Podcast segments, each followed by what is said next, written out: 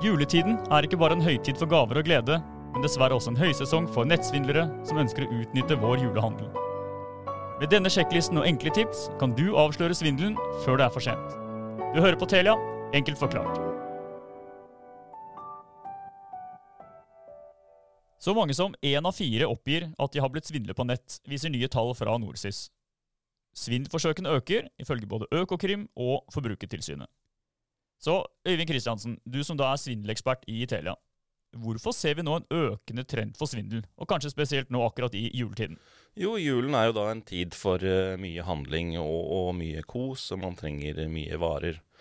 I tillegg så har man jo også hatt uh, Black Week og Black Friday, som også da uh, en, er, gjør at man får gir en økning i netthandelen. Og, og, og, handling av varer og gaver jo, gjør jo at folk er stresset, man tenker ikke helt klart, kanskje. I tillegg så er det jo eh, presset økonomi i disse dager, som gjør at kanskje folk velger, eh, velger lavpris. Og det er der eh, netthandel da, og svindlerne da kanskje utnytter, utnytter muligheten, når man da søker på internett og får opp en nettside der prisene er lavere enn en, en andre kjente nettsider. Um, og dette med, med, dette med pris og, og, sjekk av nettsider er jo, da, er jo, da, viktig å tenke på. I tillegg så har vi jo da dette med, dette med, pakkemeldinger som kanskje dukker opp på telefonen din. At du har bestilt en vare, at det dukker opp en, en, en, melding her eller der som du må løse. Kanskje kan løse kjapt. Det kanskje bare dreier seg om småpenger. Og man benytter da dette julestresset til å lure akkurat deg. Så hva er dine beste tips for å sikre en god julehandel på, på nett? Nummer én.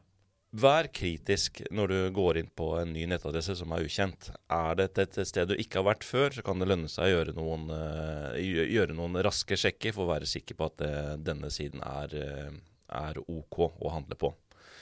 du kan bruke hengelåsen til venstre i søkefeltet, og du kan da sjekke opplysninger om eieren av nettsiden om koblingen er trygg.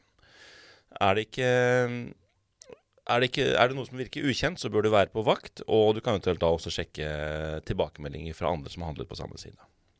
Nummer to. Det man har vært vant til og blitt advart om tidligere, er jo det at eh, falske sider, eller eh, sider som vil forsøke å lure deg, har dårlig språk. Eh, sånn trenger det ikke nødvendigvis å være lenger. Eh, vi har jo da fått dette som kalles AI, og de hjelper svindlerne til å oversette tekster mye bedre, og det vil virke mye mer naturlig enn det det har vært tidligere.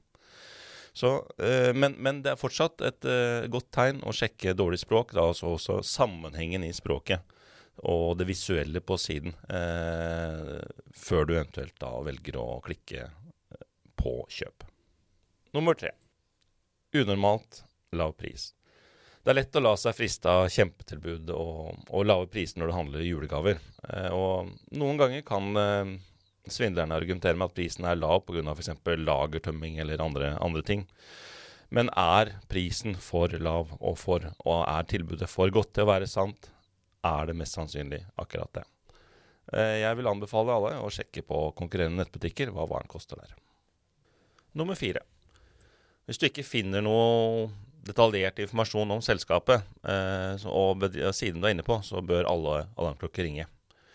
Det er ikke nok at du finner et kontaktskjema der du kan sende en melding, f.eks. Eh, angrerettloven i Norge den pålegger alle nettbutikker å ha opplysninger om adresse, e-post og, organisasjonsnummer på nettsidene sine. Ja, siste punkt. Når du da endelig har lagt alle varene i handlekurven og er klar for å betale, eh, så er det et, også et tegn på å styre unna hvis, denne, hvis betalingsløsningen er ukjent for deg. Da bør du passe nøye på, eventuelt kontakte banken hvis du har spørsmål. Eh, vårt tips eh, videre er jo da å kanskje benytte Mastercard der du er forsikret på, for netthandel. Men eh, velger du da likevel å gå videre, og du betaler, og det dukker opp da rare meldinger når du har lagt inn én betaling og blir bedt om å, for en, eh, å legge inn en bank-ID-melding til, da er det lurt å stoppe opp. Så det vi egentlig sier er at eh, hvis du er bitte litt usikker, eh, er det lurt å stoppe opp. Et lite søk på nett koster lite tid og energi, og det kan også gi deg ganske gode hint. Men hvis du da har gått i fella, eh, hva gjør man da? Det første du skal gjøre, er å kontakte banken din. Eh, Så eh, hvis banken ikke vil refundere pengene, kan du da kontakte Finansklagenemnda. Eller du kan sjekke rettighetene dine på Forbruk Europa, som er ekspert på hva det kan kreve når du opplever utfordringer etter å ha handla noe på nett.